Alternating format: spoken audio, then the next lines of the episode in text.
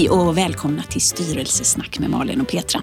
Nu är vi här igen Petra. Jajamensan. Idag sitter vi i Göteborg på Alumnis kontor. Ja. Och vi är superglada att ha en gäst här, Katarina eh, Mannevelt från Alumni. Du är partner på Alumni och ansvarig för board practice, heter det på engelska tror jag va? Jajamensan, är man konsult så blir det engelska. Då blir det engelska. Och det är så roligt för att eh, egentligen så var det ju så Petra att när vi talades vid före sommaren så hade vi ett specialavsnitt om hur gör man för att få sitt, få sitt första, eller komma i fråga för sitt första styrelseuppdrag. Och eh, ett sätt är ju att också bli upptäckt av searchpersoner. Så det är ju en spännande fråga till dig idag Katarina. Men, men jag tänker också att samtalet är mycket vidare än så. För min erfarenhet är ju att eh, du och dina kollegor i branschen har eh, rätt så mycket att säga till om när det gäller styrelsers sammansättning och jag vet att ni också jobbar med att stötta styrelser i, i effektivisering och så. Så att jag tror att vi kan ha ett rätt så brett samtal idag. Har du några andra förväntningar Petra? Nej, jag, jag tycker att det ska bli jättespännande. Eh, därför som jag refererar tillbaka till vårt samtal eh, så, så, och jag som jobbar i mer privat miljö. Där är vi inte lika vana vid att bli uppvaktade av searchbolag. Eh, så jag är idel öra och eh, får tillfredsställa min nyfikenhet idag tänker jag. Så att eh, det här ska bli jättespännande. Jättekul att få, få träffa dig och, och lyssna in lite grann på dina erfarenheter kring den, de här frågorna. Jättebra. Tack för att jag får komma hit. Ja, men vad kul. Men börja berätta lite Katarina, hur, hur, vad jobbar du med? Nej, jag jobbar ju på, på konsultfirman som heter Alumni som jobbar ganska brett med rekrytering och ledarförsörjning kan man säga. Från kvalificerade specialister, mellanchefer upp till styrelsenivå. Eh, sen gör ju inte alla allt utan vi är ju inriktade på olika områden och där då mitt fokus sen en sex, sju år tillbaka något sånt där är det vi då gör för styrelser och ägare. Eh, och där styrelserekrytering är en stor del av det. Ehm, det är också styrelseutvärdering, styrelseutveckling pratas om nu på ett sätt som jag i alla fall inte hörde för fem, sex år sedan. Ehm, och, och där det handlar mycket just, och jag tror vi kommer komma in på det mer sen, men både styrelsesammansättningen, vadet och huret och varför någonstans.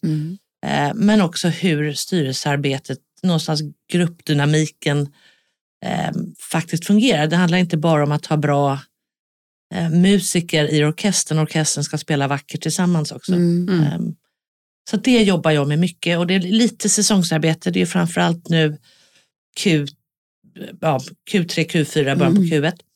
Eh, sen resten av året så, så jag är inte ledig tyvärr utan då jobbar jag mer med, man får uttrycka sig så, då, vanliga exekutiva roller.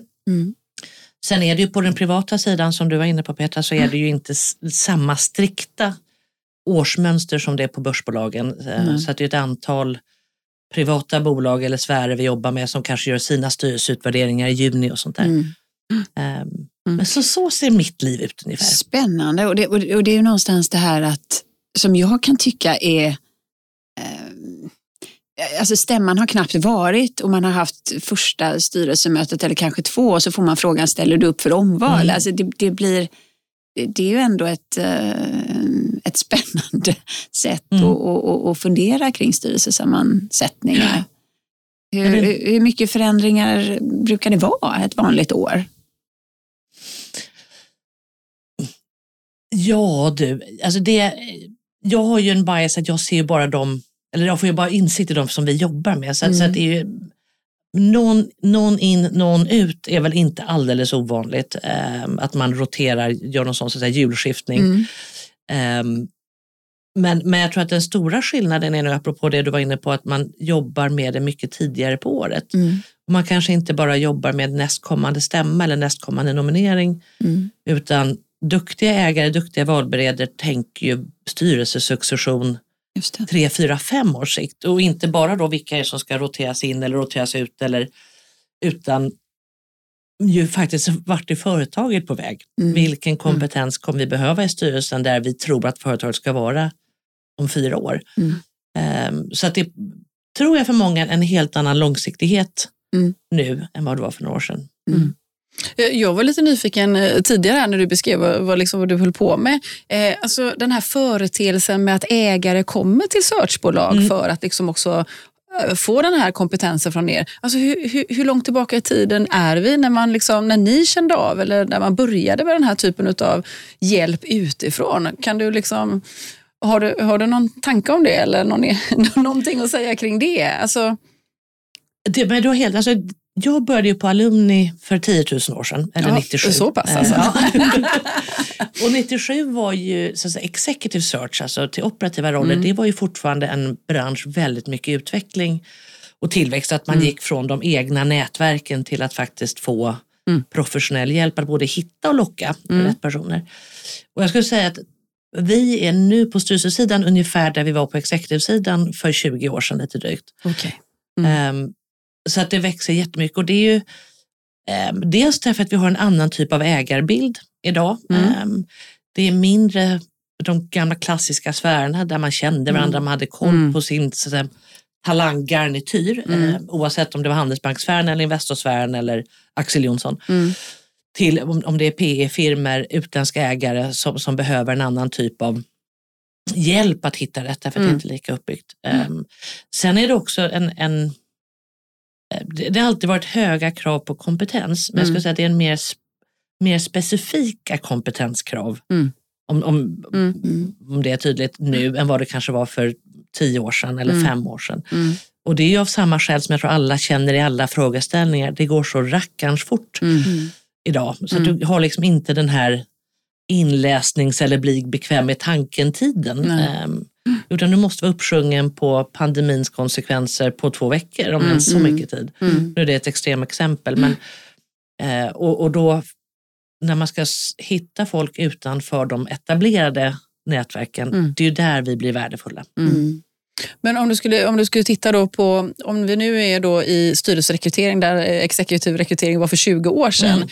Mm. Eh, då misstänker jag också då att det här med att man också vill titta lite grann i bolagets utveckling över tid, det vill säga den här successionen. Mm. En ganska, kanske ganska ny företeelse också då från de här ägarna som du beskriver kommer in nu och, och att det ser annorlunda ut än vad det var kanske från mm. första början där det var att vi är färdiga med vår tanke. Vi ska bara ha rätt person på rätt plats och vi har inte nätverket. Vi kanske, ni får hjälpa till. Mm.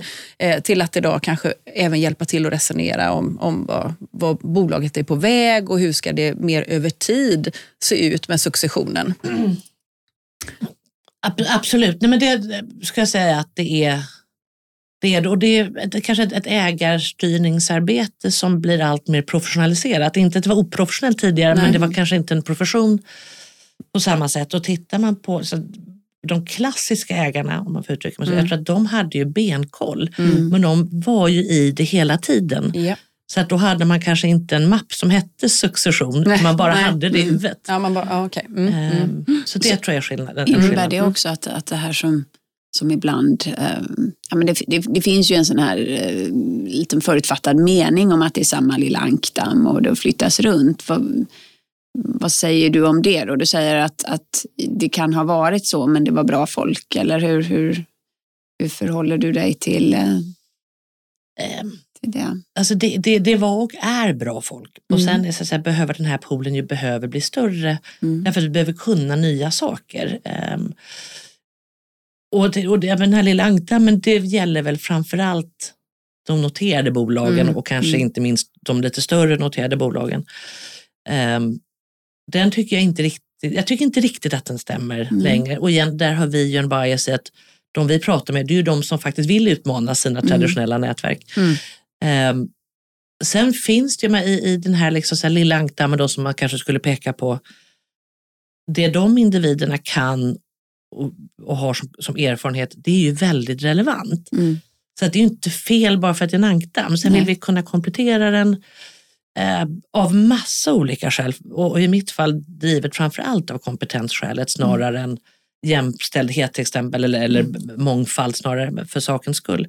Utan vad är det det skapar för värde i mm. gruppen? Mm. Um, och det innebär att, att du ser på hela styrelsen, alltså att, att den ska fungera som en grupp också. Hur, vad, hur brukar era uppdrag se ut? Så tänker man på dynamiken i styrelserummet. Mycket. Mer och mer och inte minst efter det här ett och ett halvt året. Mm. när man har sett vad det har inneburit att sitta på skärm. Mm. Och då tror jag man blev medveten om dynamiken som fanns när man satt fysiskt Yeah. på ett sätt som man kanske tog för givet tidigare. Ehm, Sen blir det också så att det, vi får ju styrelser, tack och lov, som blir allt mindre och mindre homogena. Mm. Eh, Det vill säga en blandad grupp och det är inte personer som har känt varandra i 40 år och var kursare på Bergs på Teknis eller vad det nu kan vara. Mm. Om du ska ha alla fördomar på en gång. eh, och det blir en mycket svårare grupp för ordförande att leda. Eh, eller, och det påverkar dynamiken i det. Vi, vi har inte samma eh, shorthand i kommunikationen längre. Eh, så gruppdynamiken är också någonting som har kommit mer och mer upp på ytan, att man pratar om det. Man säger så här, vad är det här för, vad har ni för stil i styrelsen? Hur, jag vet att ni pratade om ordförandens roll Mm. i, i en tidigare podd, eller nämnde att jag skulle göra specialavsnitt om det. Ehm, och är det här en ordförande som kör lite st- formalistiskt och man Mm. går runt bordet och liksom, eller är det mer ehm, en mer så att säga, eh, hands-off eh, stil som ordförande leder diskussionen på. Mm. Och de jobbar vi ganska mycket med att faktiskt försöka förstå. Dels i styrelseutvärderingarna så är det en väldigt stor del av det vi utvärderar. Mm.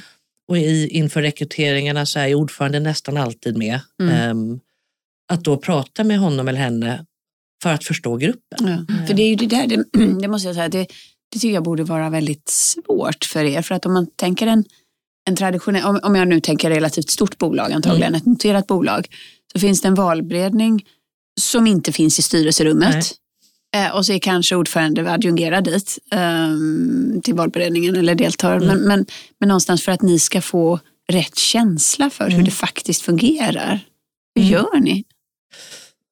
Ja, men det blir lite grann som i, vanliga rekryteringar, att liksom lyssna, ställa frågor, ställa följdfrågor. Ehm, är det i... ehm, det är en fördel av att vi har, så att säga, alumner då har jobbat med det här så pass länge och vi har ju också hos oss en extremt uttalad one firm Mm. känsla. Så att, så att går man in framförallt i lite mellanstora eller mell- större bolag så har vi ofta ganska bra koll på individen som sitter där. Mm. Så om inte jag känner dem om jag jobbar upp då, så är det någon av mina kollegor. Och då kan man liksom också beroende på hur persongalleriet ser ut bygga oss en bild eller en hypotes man sen kan testa med ordförande. Mm. Ehm, så att, nej, det är inte enkelt. Jag tror inte vi fattar 100% varje gång. Mm. Ehm, men det är någonting som vi jobbar ganska mycket med och som jag tycker ordföranden jobbar mer och mer också med att faktiskt kunna sätta ord på det. Mm. Och vad är det för typ av styrelsearbete och styrelsedynamik de faktiskt vill ha? Jag är lite nyfiken på, för vi har ju lyssnare också då som inte kanske är jättevana vid Mm. styrelsearbete och styrelserekrytering och så. Så skulle du bara enkelt kunna beskriva ungefär eh, hur ser en sån här process ut när ni jobbar med ägare? Bara så att man förstår, upp, får en uppfattning om om man skulle komma in i en sån process med er. Mm. Eh, hur, hur ser den ut? Eh, vad är det jag får vara med om på en sån resa liksom, eh, om, man kommer i, om man är en kandidat? Så bara lite, lite kort, enkelt. Yes. Det, det som händer som innan vi är i närheten av kandidatkontakter är just den här typen av samtal med, med valberedning inklusive ordförande eh, nio gånger tio för att just förstå bolaget, dynamiken, vart man är på väg, upp, kompetenssammansättningen i styrelsen. Just för att förstå vad är den här pusselbiten ska tillföra, Mm. kanske både direkt och indirekt. Är det en utskottsordförande, ersättare på två års sikt vi ska hitta? Alltså Att få den, Mm. den överblicken. Ehm, och, och utifrån det så gör vi tillsammans med valberedningen, ja, precis som i vanliga rekryteringar, Mm. en, kravprofil. Vad är, vad är det vi letar? Vad är skallkraven? Vad är nice to? Mm. Ehm, och sen är det ju vårt jobb att utifrån det göra kartläggningen på vilka kan då vara intressanta kandidater. Och det är ju både personer som vi kanske redan känner i nätverket på ett eller annat sätt, men det är också rena utifrån inkartläggningar. Vilka är de relevanta branscherna, bolagen, styrelserna, om man letar efter personer med styrelseerfarenhet eller ledningsgrupp eller nivån under. Mm. Ehm, och där är det ju ganska, är det ju ofta så att man kanske gör den här torrsimsövningen lite längre i styrelserekryteringar än i exekutiva roller. Mm. Eh, Så att tillsammans med valberedning så pratar man om specifika namn och där är ju, kommer ju GDPR in som en viktig Mm. faktor sedan några år. Att vad, hur mycket kan vi prata om kandidater innan de själva vet att de är pratade om? Mm. Ehm, och där håller vi oss till naturligtvis alltså, ja, publikinformation, namn, Mm. information som alla kan hitta om det är LinkedIn eller Mm. Dagens Industriartiklar mm. eller företagens hemsidor mm. Eh, för styrelsepresentationer och sådär. Men, men ändå ganska tidigt så brukar vi ha en första kontakt med kandidaterna eller presumtiva kandidater. Och så här års är det ju ganska enkelt så att vi jobbar med några rekryteringar nu. Får jag prata om dig? Mm. Jag kanske inte kan säga vilket bolag, men har jag din mm. blessing att prata om dig? Och också förstå, är, är det överhuvudtaget intressant för dig att ta ett styrelseuppdrag? Mm. Mm. Eh, är man operativ, hinner du, får du? Eh, jag vet att du nämnde på Volvo hade ni max två. Um, finns det begränsningar där i vilken, till så här, de här två, vilket är en ganska vanlig siffra. Mm. Vad kan det vara, vad kan det inte vara? Mm. Kan det vara två noterade bolag eller får det vara max ett noterat bolag? Och, så? Mm. Um, och vad är intressant för dig? Um, och det nämnde jag också i, i ett av avsnitten här i somras, att man tycker jag oavsett om man är etablerad styrelsearbetare eller om man, ska, är man är ny, fundera vad är det jag kan tillföra och mm. vad är det jag vill få ut av det? Ehm, det här att man som arbetsgivare ehm, tillåter och ofta uppmuntrar sina, sina, sina anställda att du får ha ett eller två externa uppdrag. Det är ju inte för att vara snäll, mm. eller ja det kanske också är, men, mm. men det är primärt för att man ser att det finns ett värde som den här personen tar med sig tillbaka. Mm. Mm. Så det finns ju också, vad vill du ha ut av det? Mm. Du eller din arbetsgivare om, om du har en sån idag. Um, så att vi pratar ganska mycket med ganska många personer någonstans från augusti fram till stämmorna. Mm om hur portföljen ser ut. Är det fullt? Vad finns det utrymme för? Um, sen tar vi med tillbaka det till, om vi då har fått kandidatens välsignelse att prata lite mer kvalitativt om henne eller honom. Så tillbaka med valberedningar och göra då en prioritering av kanske från, ja, beroende på vad det är för profil, från om det är 8 namn eller 25 namn ner till kanske en prioritetslista på 4-5 som vi då går in i lite mer närstrid mm. med, det vill säga mm. prata med kandidaten om vilket uppdrag det är. Eh, är det intressant? Finns det lojalitetskonflikter som är uppenbara eller kanske mm. inte så uppenbara? Um, var är styrelsemötena någonstans geografiskt? Eh, lite lättare nu kanske, men kommer ju um, fortfarande, eller vi kommer ju komma tillbaka till att man reser till styrelsemötena, mm. kanske inte alla, men många av dem. Uh, arvoden och så vidare. Um, och vad är det du ska tillföra den här styrelsen? Eller vad är det vi ser hos dig? Mm. Mm. Vad är förväntansbilden? Liksom? Förväntansbilden på... Ja. Mm. Och faller det om alla är intresserade utifrån det så, så är det ju um, en ordentligare intervju med oss om det inte är så att vi kanske känner personen väldigt, vi intervjuade dem i förra veckan för något annat. Mm. Um, men, men sen då efter så säga, den verifieringen ska säga, från oss, en intervju med valberedningen. Uh, och där kan det se ut på lite olika sätt. I vissa fall är det sådana här panelintervjuer där hela valberedningen, och det kan ju vara fyra pers eller fem pers, mm. sitter och träffar kandidater. Det är inte alltid optimalt. Um, eller att man då delar upp det. Mm. Och då är det ju valberedningen plus ordförande, om det inte är en ordförande vi ska rekrytera, mm. Mm.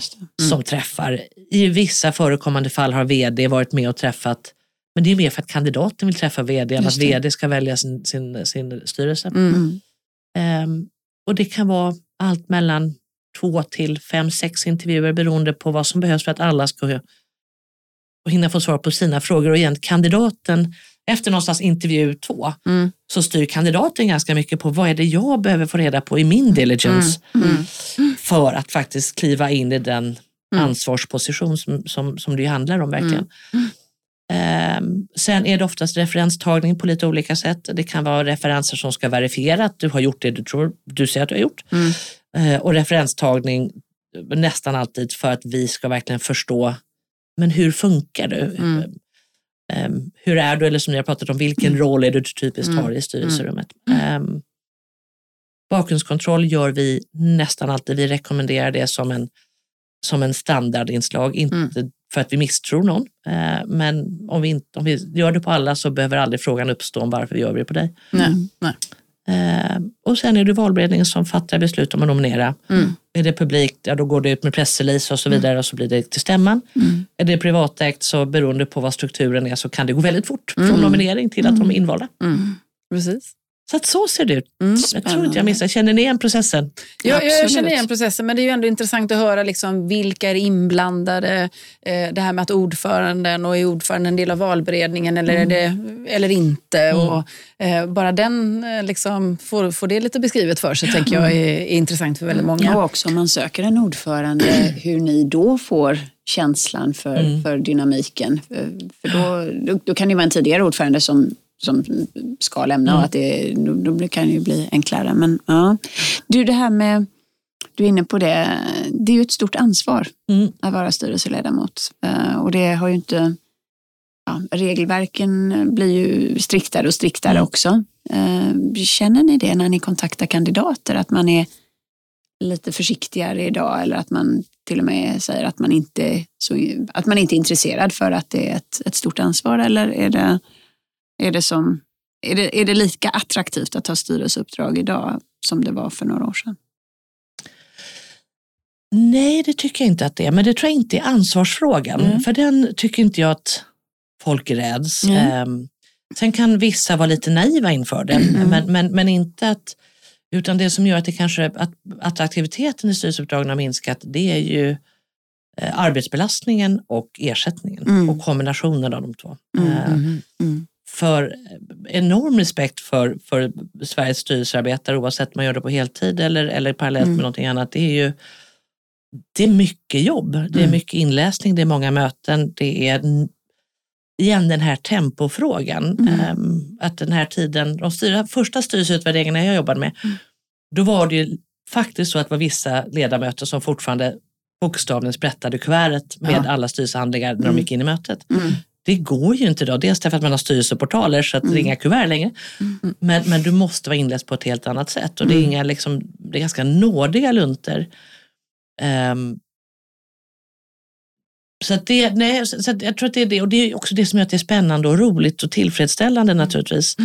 Men det tar tid. Mm. Och, och, och mm, försörjning är ju en del i det också. Eh, och, och det jag tycker den här professionaliseringen av styrelsearbetet har ju också gett oss ett bredare urval av kandidater. Mm.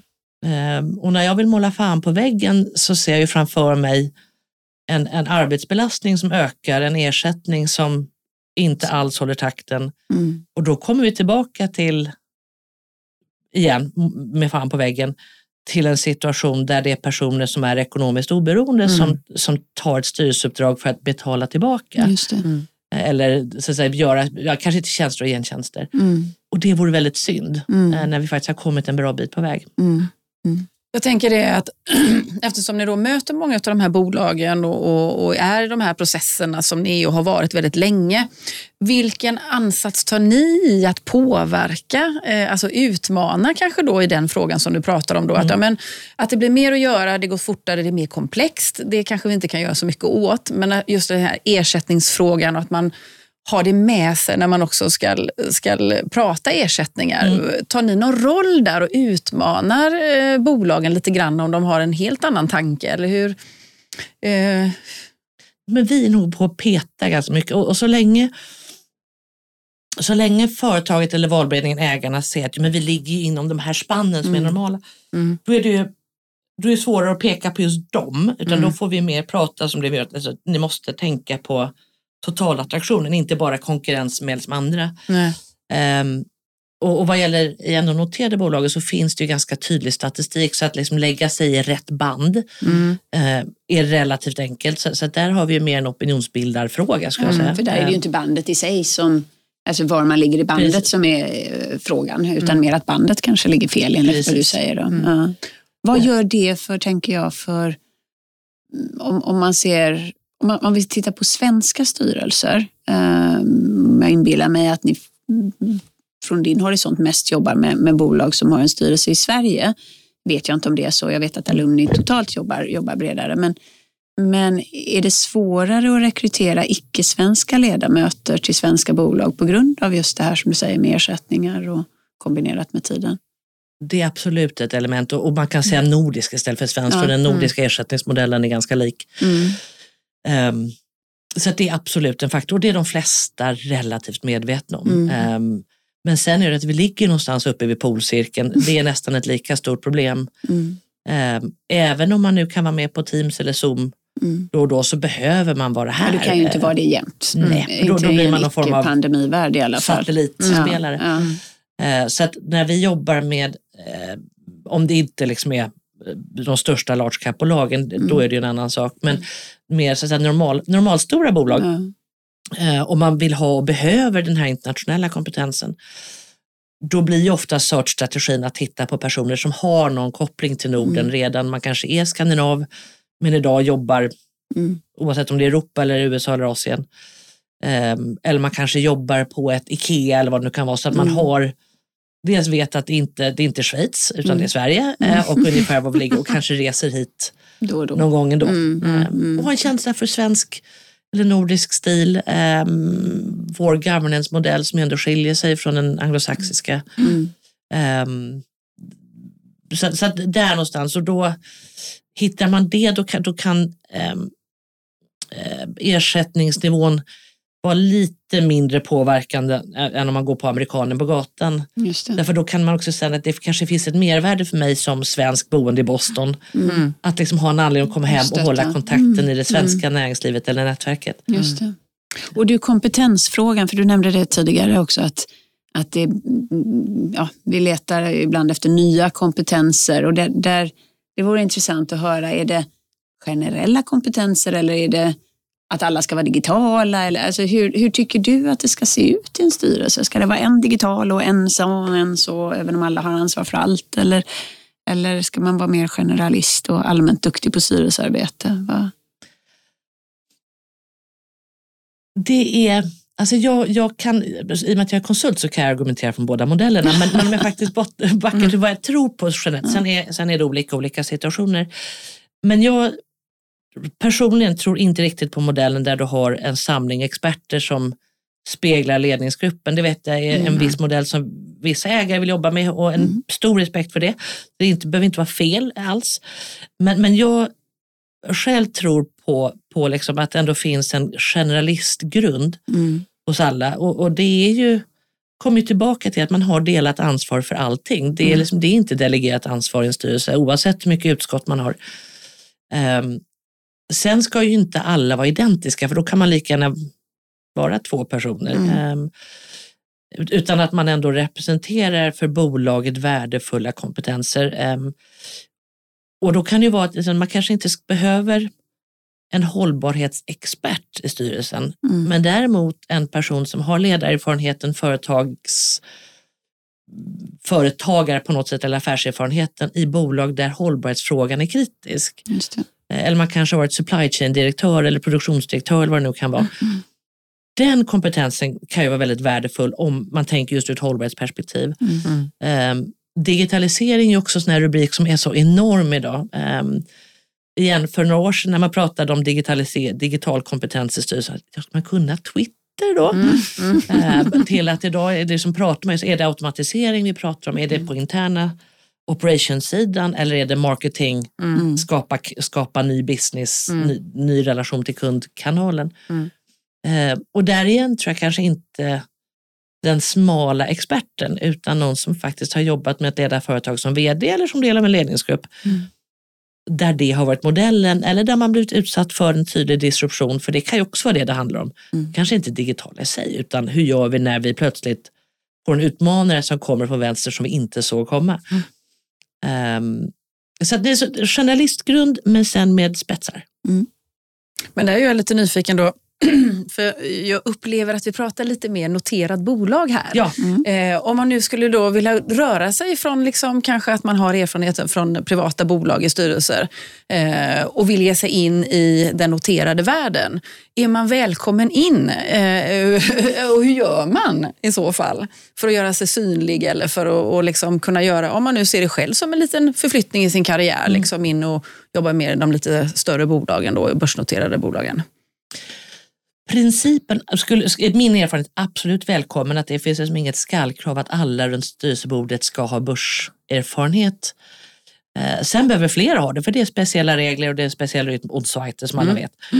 Eh, utan där, ja, men jag är ju själv och många av dem jag jobbar med tack och lov eh, en stor vän av det här med korsbefruktning. Mm.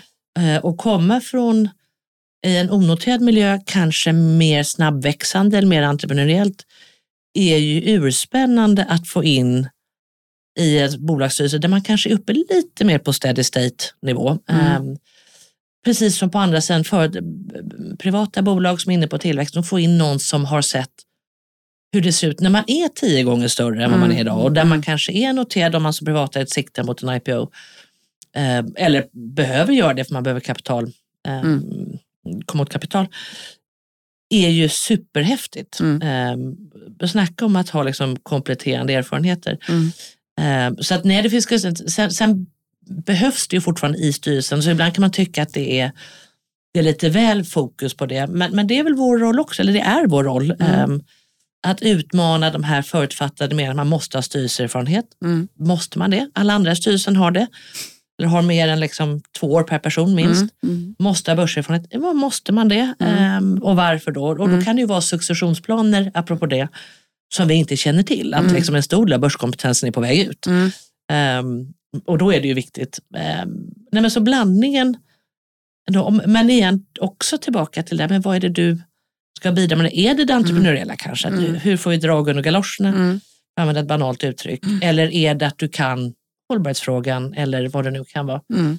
Så att man ska ju fortfarande ha relevansen in i det. Absolut, Mm. det tänker jag. Men, men just det. Och, och hur, liksom, och hur skulle jag göra mig synlig då kanske för er som ett searchföretag då för att vara på kartan? Hamnar jag i era, på er karta eller måste jag liksom upp med handen och vifta lite grann och säga att här är jag? eller hur funkar det? Alltså båda delarna. Alltså vi, vi, vi ska ju vara duktiga på att nosa upp folk som inte vet att vi håller på att nosa upp dem. Mm. Eh, Det är ju liksom den typen av stalker, skvallerkärring, privatdetektivsjobb man har.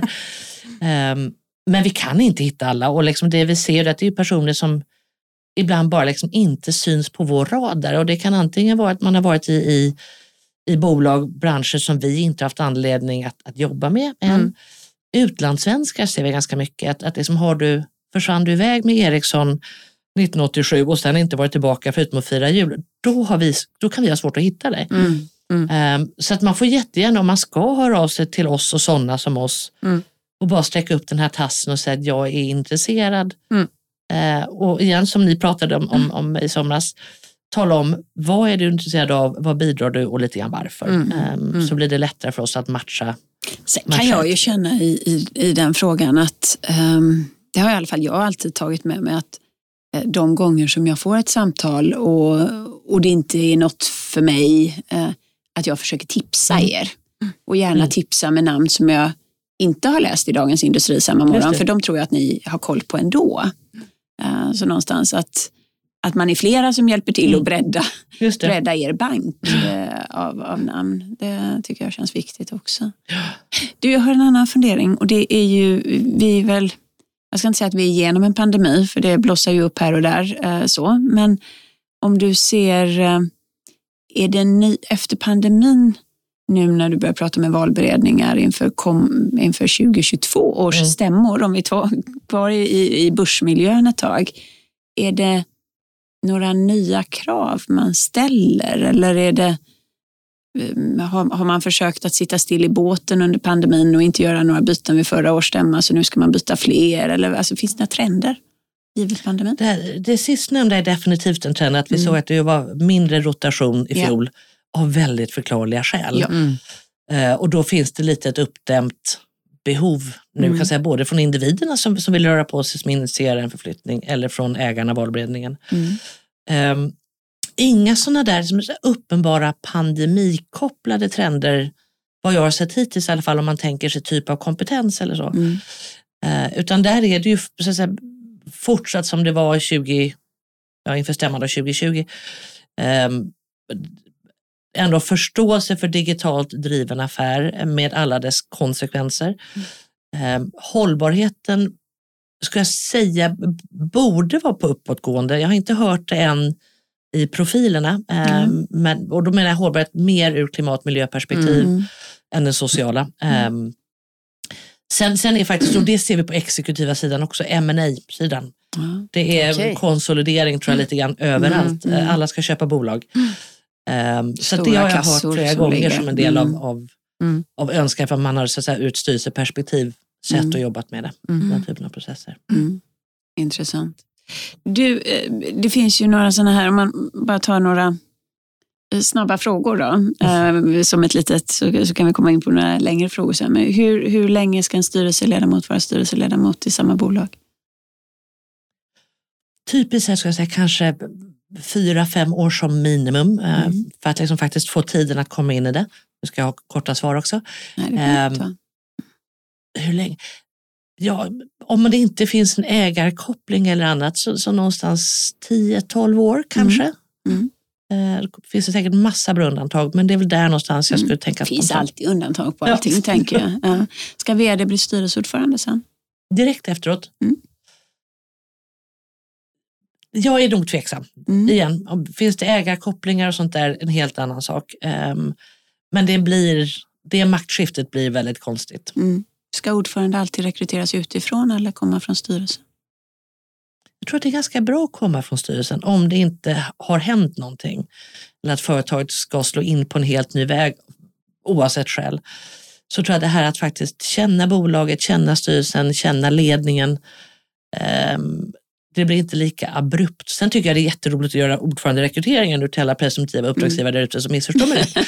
Ehm, Men, men det, är, det finns ett värde att, att ha en sån planerad succession. Mm. Eh, Och det är samma sak, vi tycker det är jätteroligt att göra vd-rekryteringar. Men det är inte så dumt att bygga en intern vd-succession heller av Nej. samma skäl. Precis. Och det där tycker jag är väldigt spännande som, som personlig reflektion på det du säger. Jag, jag håller helt med. Eh, och därför så har jag, alltså, ja, när jag någon gång har fått frågan om att gå direkt in som ordförande, jag, jag, jag är inte så förtjust i det, för jag vill lära känna bolaget Mm. först och tänka att vi får lära känna varandra. Men jag har uppfattat att det är många som, ja men kan man inte gå in direkt som ordförande så är det inte intressant. Nej, och det kan ju finnas, det kan ju finnas otroligt valida skäl till det. Mm. Ehm, kanske också kan vara ehm, med risk för att sticka ut hakan och få smäll av någon, men lite machoskäl också. Mm. Eh, Mm. Att det här klarar jag. Mm. Och och om det är kvinnligt manligt ska jag låta vara osagt, men det kanske kan finnas inslag av det. Du, eh, när du beskrev processen, eh, om, om vi har klarat av några snabba frågor, då, när du beskrev pr- processen tidigare så, så sa du också att eh, bero, antalet intervjuer beror också lite grann på kandidatens eh, egen diligence. Det tycker jag är spännande. Vilka frågor, om vi tillbaka till det då, vad, vad ska man som kandidat kolla upp tycker du?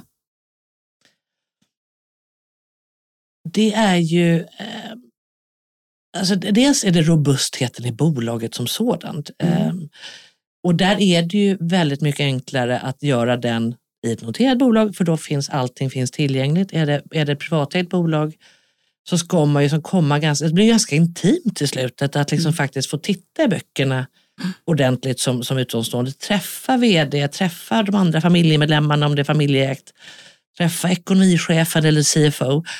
Ehm, men det- så att, säga, att, att faktiskt ta sig den tiden och faktiskt ställa de kraven på de som rekryterar eller ska välja i slutändan. Det tycker jag är jätteviktigt för du, du går in i det liksom med hull och hår. Det finns liksom ingen provanställning som invald ledamot. Eh, man kan vara adjungerad och man kan liksom mm, lite grann så närma sig varandra på ett försiktigare sätt. Men blir du invald så har du ansvaret från dag ett. Liksom. Ehm, så de bitarna, och, och faktiskt se till, fattar jag vad det här företaget gör? Fattar jag vad riskerna är? Mm. Får jag prata med personer i företagets krets på något sätt? Om det kan vara kunder eller leverantörer eller tidigare ledamöter, vad vet jag? Eh, för får jag inte prata med, med när man ändå har kommit relativt långt, får göra sin, ta sin egen referens helt enkelt. Mm. Mm. Då skulle jag dra öronen, varför inte då? Mm. Ehm, är det en bransch som jag inte kan alls och jag kommer in för att jag kan någonting kompletterande? Att verkligen säga, har jag förstått vad branschdynamiken är? Eh, Mm. Och igen tillbaka till, kan jag rita upp riskkartan någorlunda intelligent Mm. själv? Men där tänker jag så här, eh, där tar väl ni på er en roll också och hjälper, tänker jag, kandidaten. Det är ju en, en sak är ju liksom att ställa sina egna, eh, ha sina egna tankar och funderingar, men ni vill ju naturligtvis att det ska bli den bästa matchen. Ja.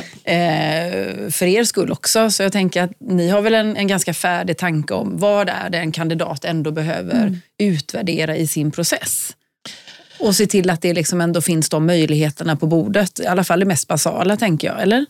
Det mest, precis, och, och kan man inte få det direkt att man då, alltså vi har pratat med, gjorde en jätterolig rekrytering här förra sommaren med just ett privatägt familjeägt bolag som, som växte ganska snabbt och hade varit privatägt och liksom egentligen inte tänkt sig någonting annat. Men nu ser man den expansionsplan de hade att, att gå på börsen var nog ett alternativ för att kunna finansiera det. Och det var ju pappa, söner och svärdotter. Mm.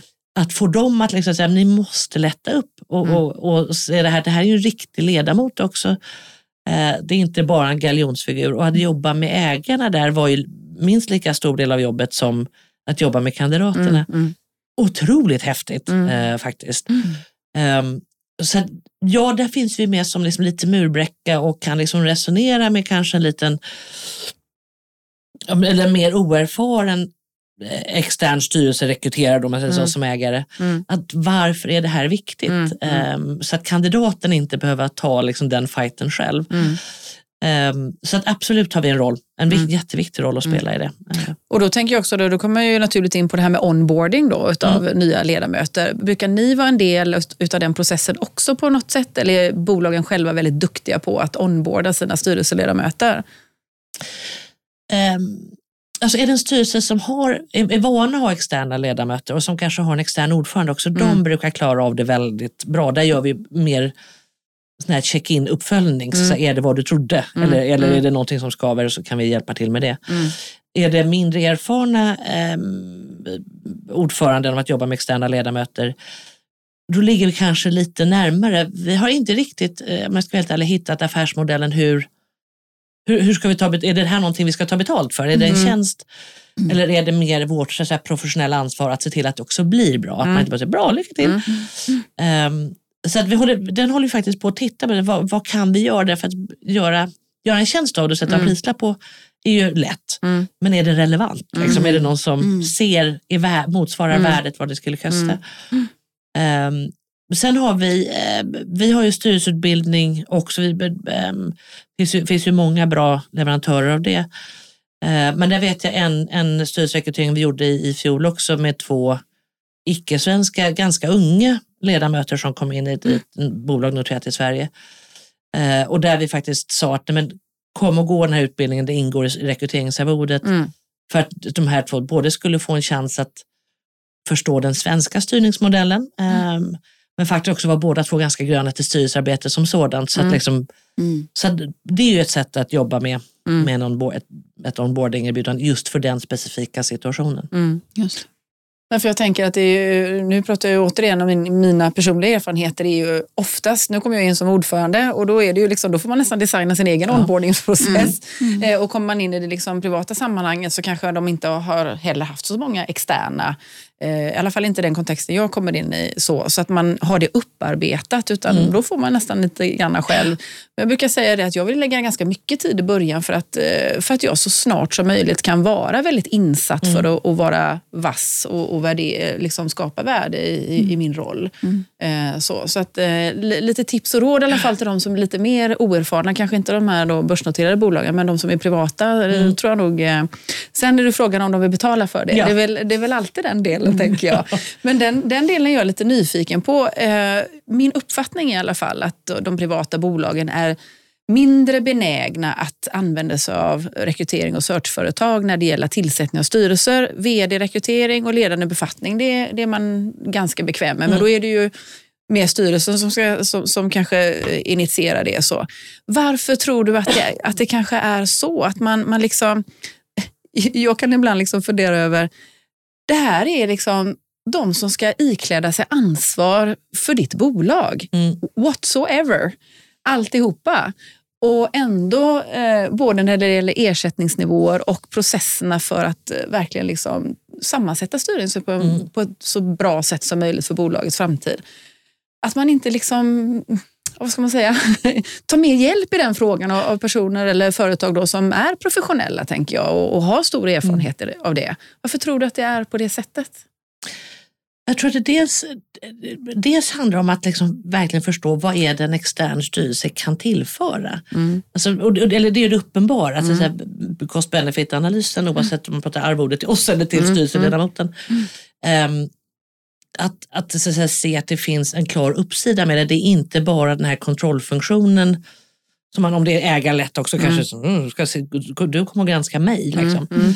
Ehm, men, men att man tillför strategisk kompetens och tillväxtkompetens på olika sätt ehm, är en del. Sen har ju vår bransch är ju inte jättepionjärsfylld kanske eh, att tänka nytt. Mhm. Utan det har ju varit mycket blackbox. Att kom till oss och så betalar du en hisklig massa pengar och så får du en lista med namn. Mm. Ehm, Och, och den jobbar vi ganska med. Hur kan vi bända sönder den modellen?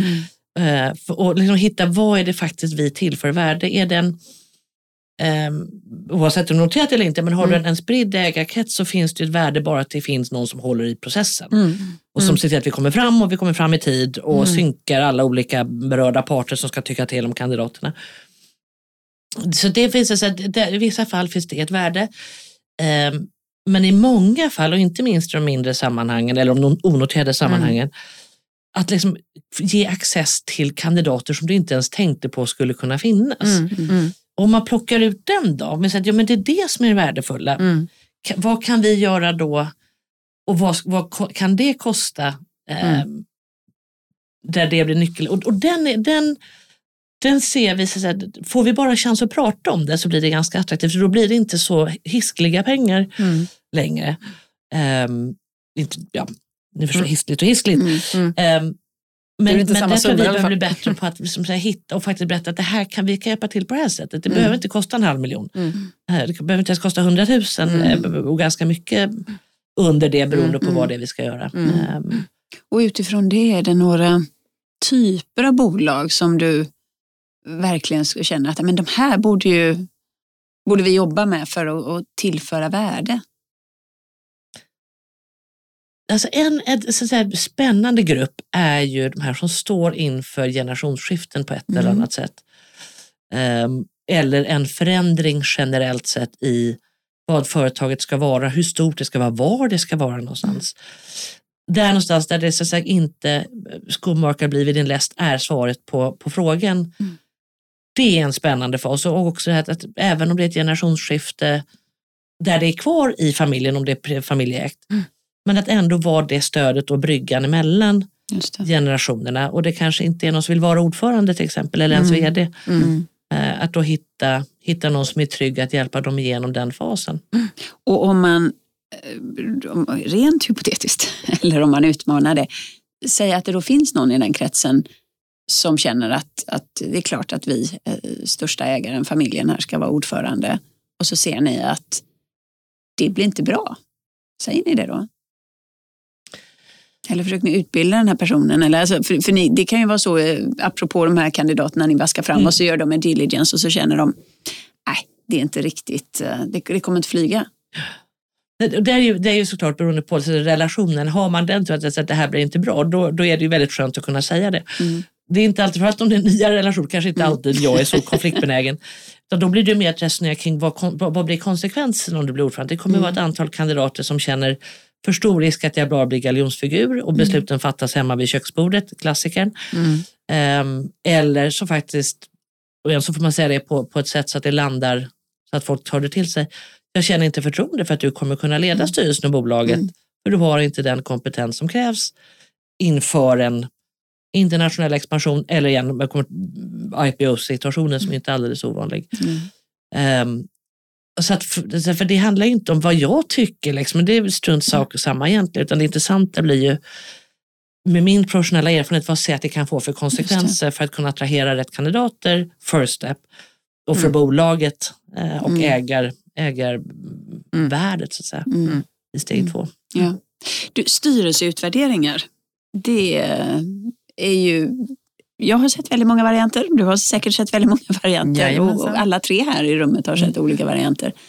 Eh, Vad, vad är din tanke? Är det bra? Ska det göras? Hur ska det göras? Eh, på vilket sätt? Ska man göra det en fylleriövning på ett papper eller ska man ta hjälp av dig och dina kollegor och göra en 360? Eller vad, var ska man vara? Alltså följer man koden noterade lån, då måste man göra det på ett eller annat Mm. sätt. Ehm, sen, sen kan man ju fylla det med värde eller inte, om det är tickboxövning eller om man ser det. Och även i onoterade miljöer så ser vi och gör styrelseutvärderingar. Och då är det för att man ser att det här, det här får vi ut någonting av. Mm. Ehm, och, och I vissa fall så är det, är det valberedningen, ägar, ägaren, som vill använda det som ett nomineringsunderlag, alltså att först göra någon form av kompetens kompetenskartläggning och engagemangskartläggning. Mm. Eh, I andra fall så kan det vara, är det ordförande som säger att jag vill jobba med hur jag faktiskt leder min styrelse eller hur vår styrelse fungerar. Ehm, och, och i, andra fall så kan det, eller tredje fall blir det då, att det är som en ordförande som kanske känner att det är någonting här som skaver, men jag får inte riktigt till det. Ehm, så det är där någonstans det, det stora värdet tycker jag kan finnas. Och sen kan det vara en kombination av de här tre eller, eller fokus på, på, på någon av dem. Um, och igen, kan man få in den här liksom so what-dimensionen och det är då det blir spännande och det är då jag tycker man ska betala för det. Annars, annars kan man göra det jättebra med, med Excel eller någon form av mm. arkivfylleriövning. Uh, behöver man göra en sån här jätteomfattande varje år? Nej, det tycker jag inte om det inte är på förekommande anledning att här mm. finns det ett problem som vi behöver ta tag i. Eh, utan någonting som vi lite så generellt slentrianmässigt göra en, större insats kanske vart tredje år, ibland vart fjärde år om det är en ganska stabil styrelse. Eh, och sen mer köra pulsmätningar eller liksom mm. enkätuppföljningar åren däremellan för att tracka att vi faktiskt inte har missat mm. någonting som, som är eller håller på att bli skevt. Mm. Um, men det ska ju ge någonting och, och, när jag gjorde mina första utvärderingar, um, tio år sedan kanske, då var det ganska mycket hålla upp en spegelbild för styrelsen och säga att det här säger ni om er själva. Mm. behöver inte vara fel för ni har oftast väldigt mycket kloka saker att säga om hur styrelsearbetet funkar men, men det som har blivit liksom kittlande och spännande är ju det som har skett senaste fyra, fem åren kanske, att allt mer sätter men, okay, men vad blir vår slutsats? Vi kan leverera en 60-sidig powerpoint-presentation med så mycket grafer och färger så att ni förstår inte. Men är det det som är värdeadderande? Eller så att, mm. Ja, all data får ni för det är er om ni vill ha den. Men det är de här första tre bilderna där vi har lyft upp det som faktiskt är det viktiga. Um, och också vad vårt medskick i någon form av rekommendationer skulle vara utifrån det. Mm. Det är där det blir spännande och där är inte alla uppdragsgivare inte mogna för det än utan de, det vill de göra själva. Um, uh, men, men mer och mer, det kostar ju inget. Om, vi ändå, om det ändå ingår att man gör det som del av det vi gör så ta det och sen så kan du lägga det i papperskorgen om du, om du tycker vi hade helt fel. Uh, mm, mm, um, mm. Men så där någonstans. Och, och där, bara tillägga också, för det är ju vad vi gör um, och det är inte vi, alltså, utan det är mer branschen eller kutymen. Det är oftast någon form av enkät och sen uppföljande intervjuer one-on-one on one med mm. alla i styrelsen, ofta vd och CFO också. Mm. I den engelska modellen, den anglosaxiska, så är inte one-on-one intervjuer lika vanligt. Om ni har sett också är däremot att man gör mötesobservationer. Mm. Så när jag har gjort mm. styrelseutvärderingar i England med mina engelska kollegor, så, och det är ju, det är ju någonting helt mm. annat. Mm. Det, det är fortfarande en kvalitativ och en kvantitativ mm. inslag men man tittar på olika saker. Mm. Ehm, så, så det, och det har jag faktiskt inte sett någon som har vågat mm. göra i Norden än, för det blir lite för intimt. Det har jag varit med om kombinationen faktiskt. Mm. Först one-on-one eh, med en, en extern konsult och sen sitter denna, denna person med på ja. ett eller två styrelsemöten och bara observerar. Men det, det, har jag gjort i privata bolag. Mm. Bara för att man har den erfarenheten själv och där man liksom kommer in och kan. Och mm. Det blir på, på, ett helt annat plan än när man ska göra en djupintervju mm. eller en en enkät. Liksom, så så att, eh, ja, nej, men det, mm. absolut. Mm. Eh, jag är lite nyfiken på, vi var inne på lite grann tidigare med de här snabbfrågorna. Mm. Och jag, jag, missade en fråga i alla fall. Ja. Där. Nej, men det här med att om vd ska vara styrelseledamot eller inte. Vad, är, vad, är liksom, vad är upp, uppfattar ni, det är ju en fråga till er båda kanske, vad är, vad är mest vanligt? Att vd är eh, styrelseledamot också eller att man bara är vd? I större bolag eller bolag med större ägarkrets skulle jag säga att det är ganska ovanligt. Mm. Eh, eller mindre vanligt. I, I, mindre bolag kanske vanligare. Mm. Um, och om jag, jag har inte tänkt på det, men om jag, om jag, tänker på fötterna så att det är vanligare i lite mindre kontexter eller där du har en, en, framförallt en mer koncentrerad ägarkrets kanske är att vds uppdrag och styrelsens uppdrag lite mer smälter ihop. Mm. Det är inte den här liksom väldigt skiktade governance-modellen. Mm. Och då som att vd ska vara ledamot och får vara ledamot är ett sätt att hon eller han inte missar viktiga diskussioner. Mm. En, en, en, en, ja, på mm. fötterna gissning. Mm. Men om du mm. håller med Malin? Jo, men det gör jag. Ehm, jag kan väl se, du pratar om anglosaxiska bolag, där är det väl mer mm. kutym att, att vd också är styrelseledamot. Eh, och, och, faktiskt, där kan det vara en två, tre personer. Alltså det kan vara både vd och CFO och någon operativ chef. Mm. Um, och i, um, i, större bolag så är det ju inte, ja men det är lite olika uh, där. Och det, jag, jag kan tänka, alltså där det är svårt, Mm. det är ju när styrelsen kommer fram till att man behöver byta vd. Mm. Då är det väldigt svårt. Vi kanske inte ska benämna, vi kanske inte ska ta den diskussionen Nej, nej. just nu. Men, men eh, i de fallen som vd då är ledamot när ni har sett det, om vi pratar den svenska kontexten, Mm. vad har motivet varit till att det faktiskt ska vara så? Är det liksom just att vd inte ska missa vissa saker och eh, ha en helhet, Mm. liksom, eh, både strategiskt men också verkställande? Eller liksom, vad är bevekelsegrunden för det?